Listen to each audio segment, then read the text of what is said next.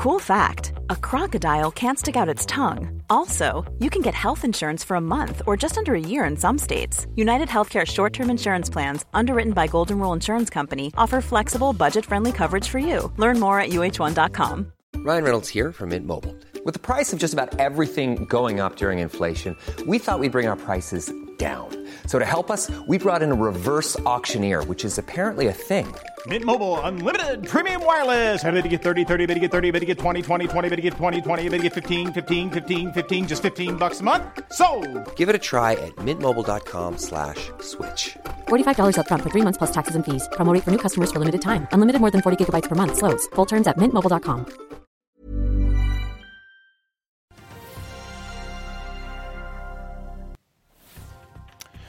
Norwegian frakter godt med passasjerer i september. Regjeringen kutter i oljepengebruken og gir deg en full oversikt over nøkkeltallene som nå er på bordet. Og det blir selvfølgelig mer om millionkuttet til OPEC, men hva betyr det egentlig? Hvorfor har ikke oljeprisen steget mer? Det er torsdag 6. oktober. Velkommen til Børsmorgen.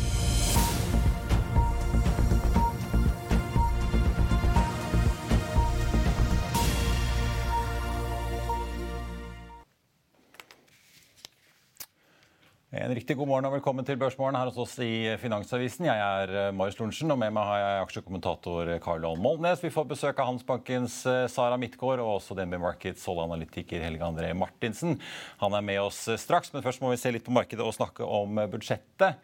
DNB Markets venter at børsen åpner opp 1,2 i dag, etter fallet på indeksen på 0,76 i går. Roger Berntsen ligger inne med en forventning omtrent på det samme. Vi så Wall Street tikke litt nedover i går, men oljeprisen har jo da fått seg et løft etter nyheten om at OPEC altså fra og med november kutter eh, produksjonsmålet sitt med to millioner fat. Proximar Seafood vurderer å hente en konvertibel obligasjon på inntil 250 millioner, kommer frem i en melding. Selskapet skriver at de er i rute med byggingen av det landbaserte oppdrettsanlegget i Japan. Eh, og at rundt 67% av anlegget skal være ferdig. Og første utsett er planlagt til oktober, med da første slakt i midten av 2024. Norwegian hadde 1,9 millioner passasjerer i september, ned fra 2 millioner i august, og en kabinfaktor på over 85 Litt eh, færre fly i drift, 67 er de nede på nå. Og Geir Karlsen, konsernsjefen, sier at september ble nok en travel måned. På vei inn i østferiesesongen opplever vi særlig sterk etterspørsel til populære reisemål i Europa. Både til strender og storbyer. Det viser at nordiske passasjerer fortsatt har høy reiselyst på våre mest populære forretningsruter i Norge, er antall reisende nå tilbake til 2019-nivå.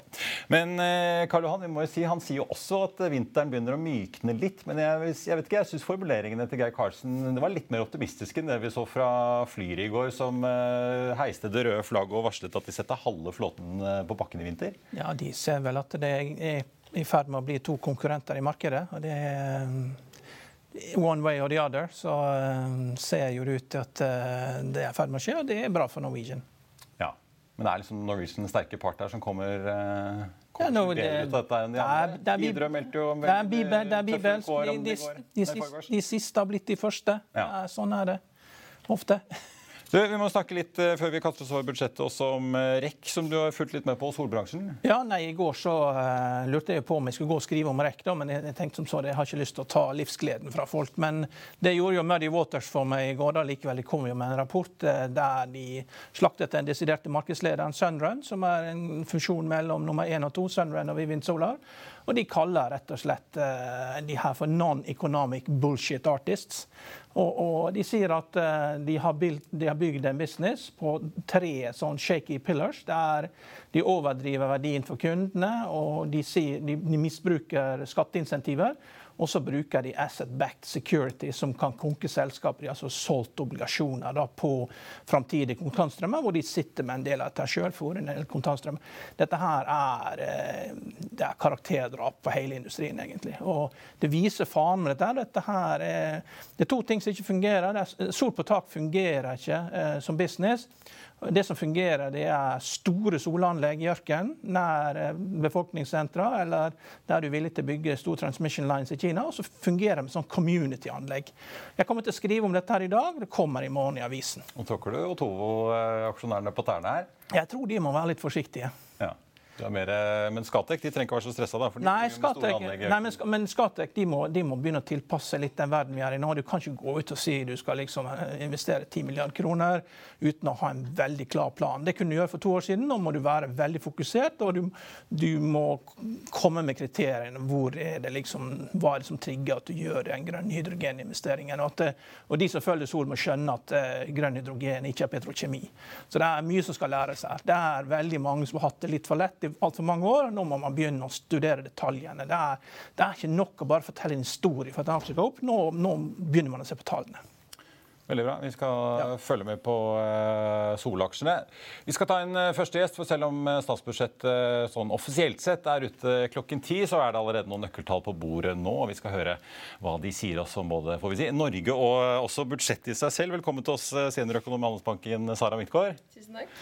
Ja, jeg bare la merke til, De skriver i hvert fall selv Finansdepartementet at de skrur ned, nei, unnskyld, de skrur opp inflasjonsforventningene sine både i år og neste år, og de tror også at avdemping i norsk økonomi kommer litt fortere enn det de eh, så eh, for seg. Eh, nå har vi sett kjapt på tallene som kom nå klokken åtte.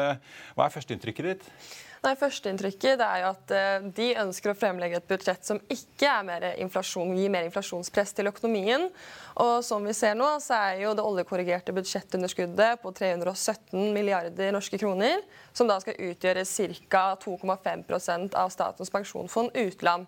Ja. Og, og, så er vi glad i handlingsregelen. Altså. Handlingsregelen. Litt under handlingsregelen da på 3 og vi er jo glad i å sammenligne hva er det Norges Bank eh, forventet i forhold til hva er det regjeringen legger fram, med tanke på hvordan vil dette endre på rentebanen. og hvordan eventuelt inflasjonspress osv. Ja, for det er jo det finansministeren snakker veldig mye om. Han har ikke lyst til å hisse opp eh, Norges Bank og fremskynde noe eh, rentebane eller renteøkninger? Nei, nettopp. Det er det de ikke ønsker. Og det tror jeg de har vært veldig altså, passet litt på i dette budsjettet. At de ikke skal skape videre inflasjonspress. Og så er vi økonomer glade for å se på det der som vi kaller for budsjettimpuls, eh, for å se om dette her er et innstrammende budsjett eller et ekspansivt budsjett. Og regjeringen legger frem den minus 0,6, som er, da vil si endringen i oljekorrigert budsjettunderskudd basert på trend-BNP. Og dette her er jo noe... Ja, for Det er på en måte effekten budsjettet har på fastlandsøkonomien eh, ja. i Norge? da? Ja. Stemmer. Og dette her er da altså noe mindre negativt enn det Norges Bank la til grunn i forrige pengepolitisk rapport. Men så ser man jo også i pressemeldingen at de har endret på beregningene av det strukturelle underskuddet, sånn at de beregner at det er 40 milliarder eh, mindre i år enn det det var, eh, eller det som var lagt til grunn forrige gang. Så disse tallene til Norges Bank og regjeringen de kan man på en måte ikke helt sammenligne når vi ser på budsjettimpulsen. Da. Nei, for De korrigerer jo, de skylder jo da på strømstøtten fordi de mener at det slår litt uh, ujevnt inn på inntekts- og utgiftssiden i uh, budsjettet. Staten tjener jo masse på både kraftskatt og får en masse utbytter selvfølgelig fra mange av disse kraftselskapene.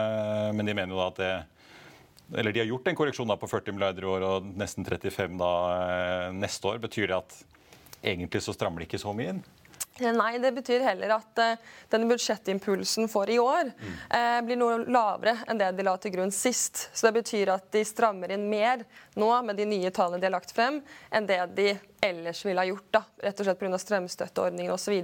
Men det gjør også at det blir vanskeligere å sammenligne budsjettimpulsen til Norges Bank og budsjettimpulsen til regjeringen. Da må vi rett og slett vente til vi får mer detaljer i dette statsbudsjettet på hvordan de har beregnet det nye eh, korrigerte underskuddet. Ja. altså budsjettimpulsen. Uh, den på en måte ukorrigerte pengebruken i faktisk kroner og øre, som ikke ja. Finansdepartementet har vært inne og, eh, og korrigert. Uh, men jeg ser nå, nå venter jo da en, fortsatt en vekst neste år på 1,7% i norsk økonomi. Det virker som veldig mange andre venter at eh, økonomien i Norge skal krympe litt neste år? Ja, de er jo mer positive enn Norges Bank bl.a. Norges Bank har jo i sine anslag et fall er det på 0,3% eller noe sånt neste år i fastlands-BNP. Så det ser ut som at de er mer optimistiske for veksten for fastlandsøkonomien enn Norges Bank. da. Ja, og da er det jo, ja, Hvis du ser på budsjettimpulsen, da, det blir jo da, da tredje år på rad hvor eh, budsjettet på en måte bremser, eh, eller skal bremse da farten i norsk økonomi etter noen år med veldig høy pengebruk og masse impuls i positiv forstand under eh, pandemien. Mm. Hvor lenge tror du de vil holde på sånn her, da, før vi til slutt kommer liksom i en mer normal tilstand igjen? Hvis man ser generelt sett på prognosene for økonomien som nøkkeltall, så ventes jo arbeidsmarkedet å være relativt stramt helt ut til 2024. Og så ser man at inflasjonen ventes å være godt over inflasjonsmålet helt til 2024. Det ligger i våre prognoser, det ligger i Norges Bank sine prognoser. Så regjeringen eh, vil nok få litt pepper fra økonomene hvis de kommer med et ekspansivt budsjett de kommende årene. Så det må nok være noe innstrammende helt til vi ser at inflasjonspresset avtar. Jeg ser også for eh, ledigheten. De venter 1,7 eh, neste år, akkurat som i år. 1,9 da i 2024. Så det virker jo ikke som ja, Folk sliter med inflasjonen og høye strømregninger, men det virker jo ikke som folk flest kommer til å akkurat miste jobben her. Nei, eh, vi har også egne prognoser på arbeidsledigheten, så vi ser for oss at den skal opp til nærmere 2,2 eh, Så vi er litt mer pessimistiske enn regjeringen. Men eh, jeg tror det er ganske sånn bredt forståelse blant de fleste analysemiljøer at arbeidsledigheten den skal ikke dramatisk mye opp, men den skal opp til et mer normalt nivå, da, som vi har sett tidligere, tidligere i økonomien. Hva blir det viktigste å følge med på eh, klokken ti når eh, den fulle fasiten eh, kommer? da? Jeg tenker at Det som blir viktig å følge med på, er egentlig hvor er det pengene skal brukes, og om hvordan dette eventuelt kan skape et inflasjonspress. Så Hvor er det de rett og slett tar pengene fra, og hvor, hvor er de har tenkt å bruke det. Og så vet jeg Det har vært litt snakk om også bistandspenger. for Hvis det går en større andel til utlandet, da påvirker ikke det liksom, inflasjonsimpulsene her hjemme. Så det er litt sånne type ting. Hvor er det pengene går hen, som det vil være viktig å fokusere på. da. Kan det påvirke prognosene deres hvis det plutselig går penger litt overraskende steder? Ja, det skal, eh, Enn så lenge så ser man jo basert på Da må man jo se mer på sånn budsjettimpuls og sånne ting. Og enn så lenge så ser ikke det ut til å ha påvirket verken den norske kronen når disse tallene kom ut, og heller ikke våre renteprognoser. At dette er ganske sånn rentenøytralt. Så jeg tror ikke det skal ha noen kjempestore konsekvenser for våre makroprognoser. Det var ingen forventninger om en uh, hjemme alene-fest? Nei. Sara Midtgaard Ansbakken, tusen takk skal du ha. Da får vi følge spent med klokken ti når uh, fasiten uh, kommer. Vi skal snakke OPEC, men skal ha en kort reklamepause. Vi er straks tilbake. La oss i Finansavisen hjelpe deg med å holde deg oppdatert på alt som skjer i finans og næringsliv. Hver morgen er jeg, Marius Lorentzen, og aksjekommentator Karl Johan Målnes på plass i studio for å ta tempen på dagens marked i Børsmorgen. På ettermiddagen oppsummerer vi alt du trenger å vite i økonominyhetene, og så får vi selvfølgelig besøk av masse interessante gjester. Du finner oss på fa.no-tv, eller ved å søke opp Børsmorgen og Økonominyhetene der du hører på podkast. Da skal vi over til vår andre gjest og gå fra statsbudsjett til råvarer og snakke olje. For i går besluttet OPEC altså å kutte to millioner fat i produksjonsmålet sitt. Noe som neppe skapte noen jubel i Det hvite hus i opptakten til OPEC-møtet, som var det første der landene i kartellet møtte hverandre og partneren Russland fysisk. Siden før pandemien så tikket oljeprisen igjen oppover mot 90 dollar, hvis vi ser på nordsjøoljen i hvert fall. Den ligger nå på 93,30 litt ned fra sluttkursen i eh, går. Spørsmålet er jo selvfølgelig da hva nå? Helge André Martinsen, oljeanalytiker i eh, DNB Markets. To millioner fat. Først og fremst var du overrasket. Det var liksom et spenn fra et kutt på en halv million til to millioner, én million i forkant, og så ble det altså to? Jeg var litt overrasket, og hadde du spurt meg for to uker siden, så hadde jeg vært enda mer overrasket. Man så jo liksom i opptakten av møtet at det kom rapporter underveis. Financial Times kom med en artikkel på mandag hvor de snakket om opp mot halvannen million fat. Og så kom det nye artikler på, på tirsdag om at de diskuterte opp mot to millioner fat. Eh, og så ble det et, et, eh, vedtatt et kutt på to millioner fat, som eh, var overraskende. Men som du, som du, var inne på, så steg ikke oljeprisen veldig på nyheten. Og det var jo fordi det var diskutert, diskontert inn på forhånd. Ja. Så vi på samling med oljeprisen på, på close på fredag, så, var, så, hadde oljeprisen gått syv dollar i, i, forkant av møtet. Så det var liksom gradvis inndiskutering av et relativt dypt kutt. da. Men eh, ta oss litt ned i liksom, eh, materien. for En ting er jo hva de sier at de skal, det andre er jo hva de faktisk produserer. og så vidt jeg skjønner, så har de jo ikke ligget opp på produksjonsmålet sitt, eh, eller hvis man kan kalle det tak, kanskje, er vel egentlig et bedre ord, i det siste. Hva betyr da når de nå sier kutt to millioner? Er det faktisk et kutt to millioner, eller er det i realiteten noe annet? Nei, Da må vi inn i OPEC-matematikk 101. og, det, og den, er, den, er, ikke helt rett fram. Men, men, som du er inne på, så er det en viktig forutsetning at de har ikke vært i nærheten av å produsere det de har lovet eh, de siste syv-åtte månedene. Og ser vi på avviket mot produksjonskvoter og reell produksjon eh, For øyeblikket så er den på litt over 3,5 millioner fat per dag. Så de produserer altså 3,5 millioner fat mindre enn det de sier de skal produsere. Eh, og da sier de seg selv også at når de skal kutte da, så blir ikke kuttet så effektivt. Men det vi skal huske, da, det er at produksjonskvotene er distribuert på land. Det er ikke liksom på gruppen som helhet. Så hvert land får sin produksjonskvote. Irak har sin, Venezuela sin, Saudi har sin. Ja. Ja, og, og det betyr at de landene som ligger tett på kvoten, de kommer til å kutte. Og i prinsippet av land med størrelse så er det egentlig bare Saudi, Emiratene og Kuwait. Og så får vi kanskje litt kutt fra Irak, eh, Oman og Algerie. Og totalt sett tipper jeg to millioner fat kuttet på papiret. Reelt sett blir kanskje 900 000, litt over muligens. ja, så halvparten et sted. Cirka halvparten. Kan, det kan være en god tommelfingerregel. Ja. Hva har dette å si for Norge og på en måte oljesektoren vår her hjemme, da, som jo har veldig gode dager om dagen? Dere i DNB har jo vært ganske positive til måte, de langsiktige utsiktene for uh, næringen og hatt ganske gode kursmål på en del av aksjene. Hva, hva tror dere dette har å si på en måte for da, den litt mer langsiktige utviklingen på, for bransjen og prisen? Nei, altså du kan si, du kan ta, Hvis du prøver, tar det korte, med, med, korte mediumbildet først, så er det jo det at man er, skal si, den store nedsiderisken på, på oljeprisen for øyeblikket er jo makroutsiktene. Det var en betydelig brems i eh, global økonomisk utvikling, eh, som igjen vil ha begynt å plage oljeetterspørselen. Og det er nok Et av grunnene til kuttene er at man ønsker å være litt føre var. Man ser at eh, vi står fra mest sannsynlig en ganske kraftig oppbremsning i, i makrobildet. Og så OPEC er på en måte litt føre var. Og så har du det andre aspektet her, som er det langsiktige aspektet, og som for så vidt også er interessant, og som både oljeministeren til Saudi og sjefen i Saudi Aramco har vært inne på. Og det er at de er dypt bekymret for investeringsnivået og eh, den langsiktige ledige produksjonskapasiteten i verden. For de har vært veldig opptatt av at eh, det er syltynn ledig produksjonskapasitet i verden. Og de har liksom påpekt at enten hvis på en måte Kina til, eh, Kinas økonomi kommer tilbake ut av lockdown, vi får litt mer fart på verdensøkonomien, så vil egentlig den ledige produksjonskapasiteten vi besitter i dag, være spist opp før man rekker å blunke. Eh, og dermed er man eh, opptatt av å holde oljeprisen på et nivå som trigger investeringer, sånn at man ikke løper tom for ledig produksjonskapasitet. Som egentlig da er høyere enn det OPEC historisk sett ellers ville vært eh, fornøyd med? da, på en måte At de kanskje legger seg nærmere 100 enn 60-70-80? Absolutt. Eller, hvis jeg forstår deg riktig? Ja, Så, så, de er liksom på en måte, skal si altså, Saudi-Arabia tar på seg på en måte litt sånn bekymringene for, for oljebalansen i, i, i sånn to til tre års horisont. Og så kan man si jo, men ønsker ikke de egentlig at oljeprisen skal være høy? Jo, det kan du si, men hvis du, hvis du går tom for produksjonskapasitet, så, så får du antakeligvis på et eller annet tidspunkt en eksponentiell prisutvikling, og det ønsker man ikke. Man ønsker mer stabilitet. Det er jo eh, komfortabelt for eh, norske oljeinvestorer å ha på en måte et OPEC som hele tiden vil sørge for å holde prisen oppe for å trigge nye investeringer? Jo, det, sånn har det vært lenge. Men det er klart det, det er jo et kartell, dette her. og det, det skaper jo problemer eh, for andre. Det skaper jo problemer for Joe Biden i valgkampen. Men når du hører at Jeg har hørt anslag om at produksjonen ville kutte mellom 500 000 og opp til noen høyeste jeg hørte, 900 000. og de kunne holdt seg på en million. Det har ikke vært nødvendig å si to millioner når det reelle utfallet her ikke er noe mer likevel. Vi må snakke litt om uh, USA. Peter. Det var jo rapporter tidligere i uken om at hvite USA hadde satt i gang en svær lobbykampanje for å i sånn et siste, i siste innspurt prøve å overtale OPEC-landet til ikke å kutte så mye, med at det snart er valg i USA. Det er jo sjelden populært med dyre pumpepriser når folk skal kjøre og stemme.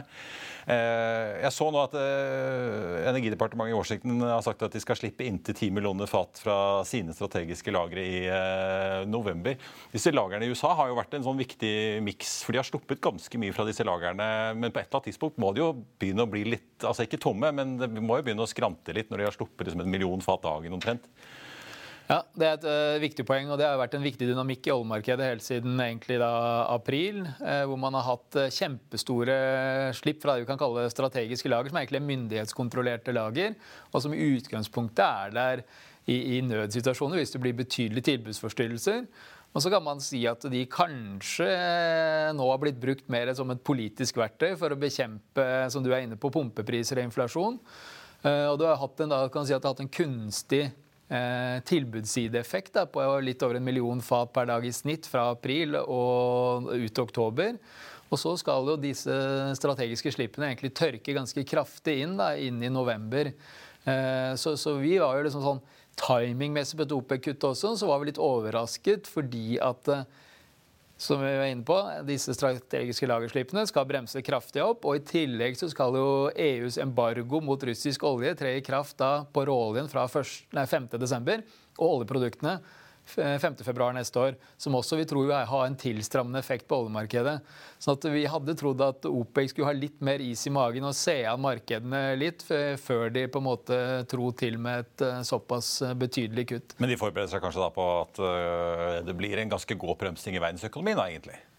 Det, det, kan du godt si, at de, de, har på en måte tatt høyde for det. Det er jo på en måte det eneste da man uh, har av rasjonale igjen. Ja. ja. så For øyeblikket så er vi nok mer bekymret nå for at de kanskje har strammet det litt for, uh, for kraftig. Altså vi, hvis du ser på vår oljemarkedsbalanse over de neste seks månedene, så lå vi med et liksom svakt overskudd i balansen etter å ha hatt da Eh, to år med lagertrekk, eh, så hadde vi liksom et svakt overskudd i balansen de neste seks månedene. og Det vipper jo nå til fortsatt underskudd da, med, med, dette nye OPEC-kuttet. Så da blir det kontinuerlig videre lagertrekk eh, i, i, oljemarkedet i, på oljelager som i utgangspunktet er relativt lave. Men Hva er jokerne her som på en måte kan eh, presse prisen nedover? da, Hvis vi vet at vi har ja, amerikanere som ikke bare må ta ned uttaket fra lagrene sine, men kanskje etter hvert begynne å fylle de. Vi har OPEC som eh, ønsker å holde prisen oppe. Vi har ganske mye underinvesteringer i bransjen eh, globalt.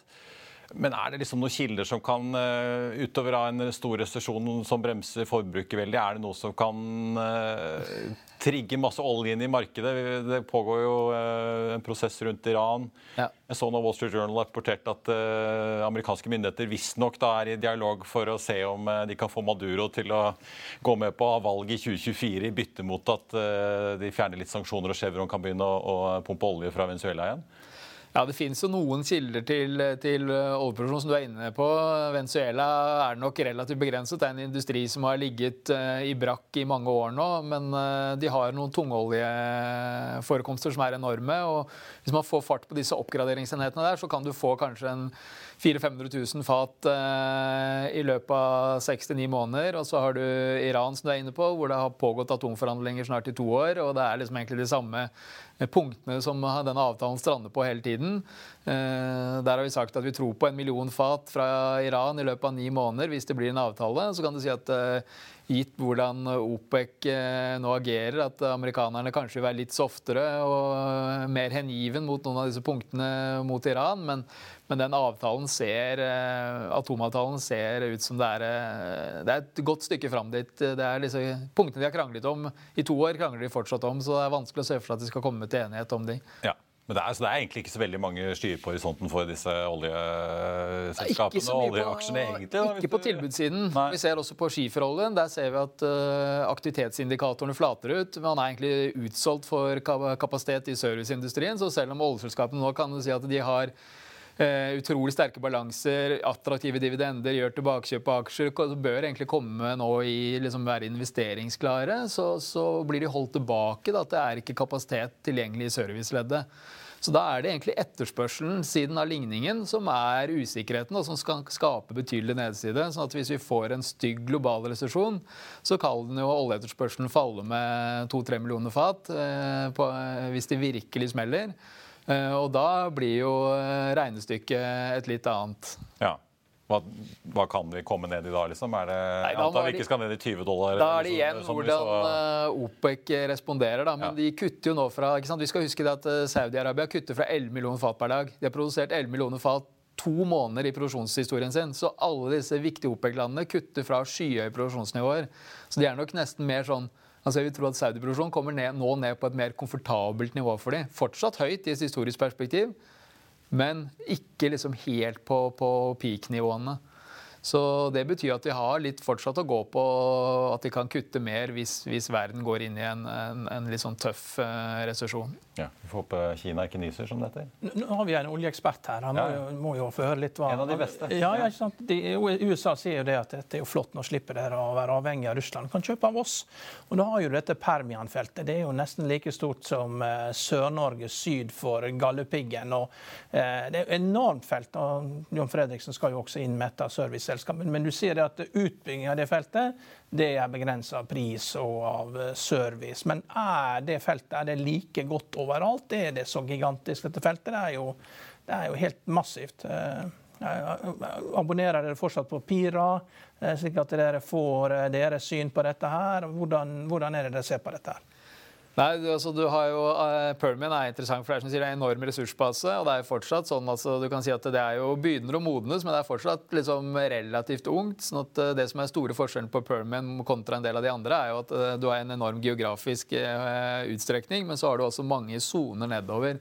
Så Sånn sett kan du si at det fortsatt er noe uutforsket, men det vi kan si på generell basis i skiferindustrien, det er at vi ser at disse produktivitetsforbedringene, som var massive for en del år siden, de har begynt Fra liksom oljebremsen, altså 14-15 Ja, Hvis du ser liksom i, i, fra 2016, 17, 18 så hadde man en sånn produktivitetsforbedring årlig som lå på, på kanskje rundt 20% ikke sant? Og så når du kombinerte produktivitetsforbedring med investeringsøkninger, så fikk du en enorm tilbudsrespons.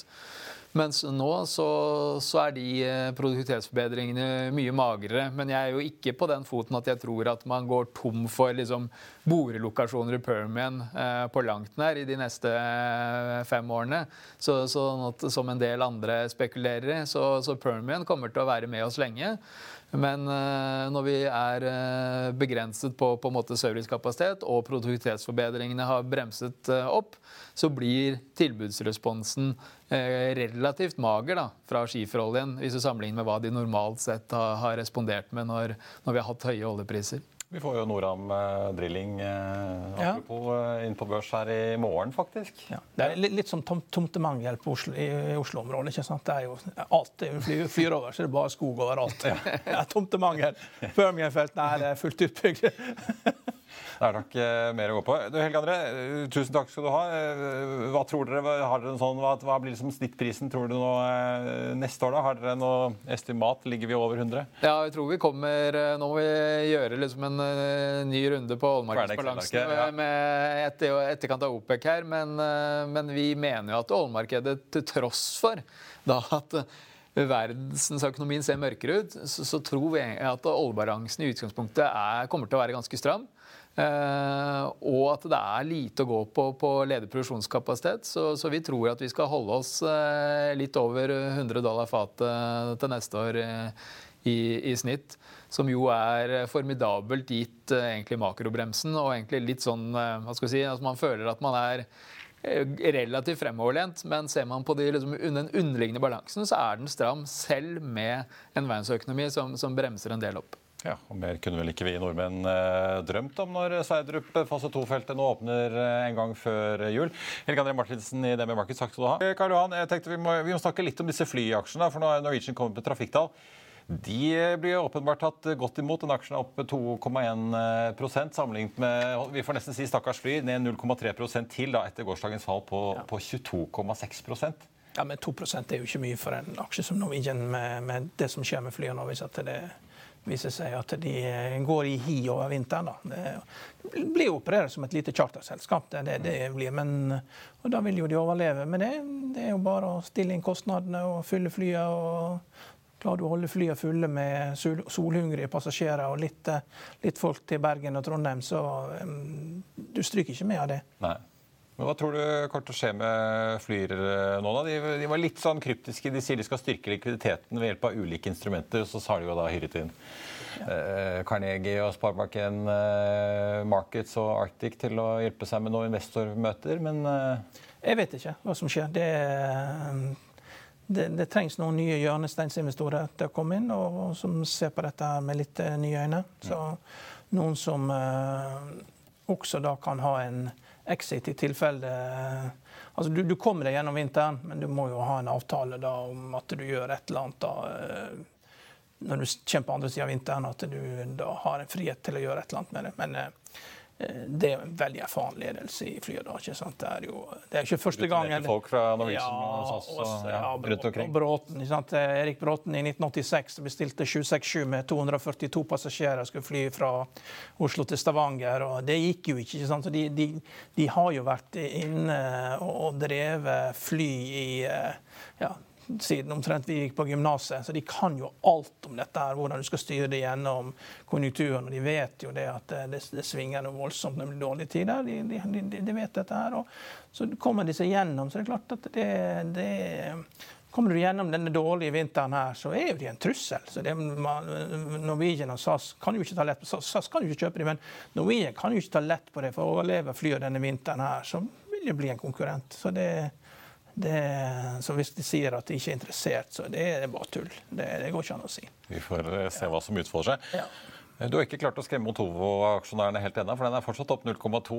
Jeg ser ikke tikker oppover 3,2 da etter gårsdagens salg på 5,7 Nei, men det, nå må vi få skrive ut det som er her. Det, det, det ligger på internett. Det er bare å lese eh, Muddy Waters. Eh, så, så, så, så småskala solindustri, det er, det er hobbyvirksomhet. Det er, eh, og det er klart det, Alle skal ha en hobby, og en hobby skal koste penger. og det er det er omtrent som, du, du, kan ikke tjene penger på en fin hage heller. Det er, dette er kosmetikk, det er, det er, hyggelig, men det er ikke noe økonomi i det for de selskapene som holder på med det. Og da, ja, og når du ikke får det til i USA, men de, eh, hvis du ser på hvordan man bygger hus i USA, det er liksom eh, ti mann på taket, og det går veldig fort, så, så, da er det veldig vanskelig å tjene penger på dette her i Norge.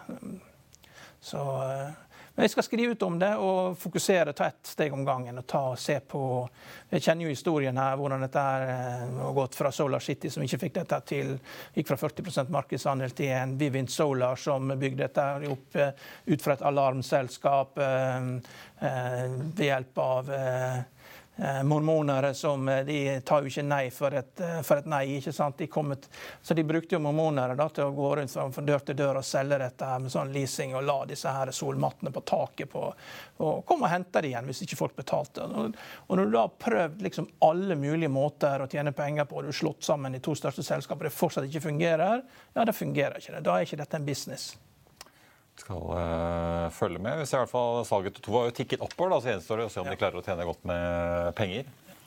Uh, hovedveksten uh, får bare ta det på slutten, opp 0,6% nå etter da fallet på drøye 0,75 i går på mest Omsatt-listen. Telenor og Tomra er de to store avvikene i dag. Tomra ned ja, nesten 8% nå, og Telenor ligger ned da 5,3 Nordsjøoljen ned 0,34 til 93,40 ja, 93 nå. Svakt ned 0,4 da fra gårsdagen, men likevel fortsatt et godt stykke opp da over 90 dollar fatet, som vi har sett den tikke den siste tiden. Grunnen til at Telenor er ned, er at det da går eh, X utbytte i dag. Skal jeg bare slå opp hva nøyaktig uh, tallet her. Det er 4,30, og den aksjen er uh, ja, ned 5 ja, 5,30, da, så litt mer ned enn utbytte, men dog ikke så mye som det kan se ut på papiret. Oljeaksjene Equinor, Vår Energi og Aker BP alle opp. Mest opp for Vår Energi, som ligger opp 2,6% eh, altså. Stolt-Nielsen ned 3 etter å ha hatt eh, veldig eh, gode tall over lang, lang tid, får vi si. Og rundt oss i Europa jevnt over grønt over hele kartet så langt. Og Det var børsmålen for denne torsdag 6. oktober. Husk å få med deg økonominyhetene klokken 14.30. Der blir det masse statsbudsjett. Både Trygve Hegnar, Danske Banks skattesjef Per Ole Hegdal og sjeføkonom Harald Magnus Andreassen i Sparebank Markets er med for å gi deg den fulle oversikten over både skatteendringer og budsjettet som helhet. I mellomtiden så får du siste nytt om både børs og budsjett på fa.no gjennom hele denne budsjettdagen.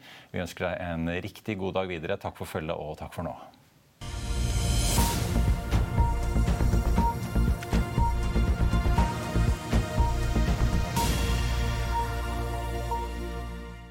Økonominyhetene er en podkast fra Finansavisen. Programledere er Marius Lorentzen, Stein Ove Haugen og Benedikte Storm Bamvik. Produsenter er Lars Brenden Skram og Bashar Johar.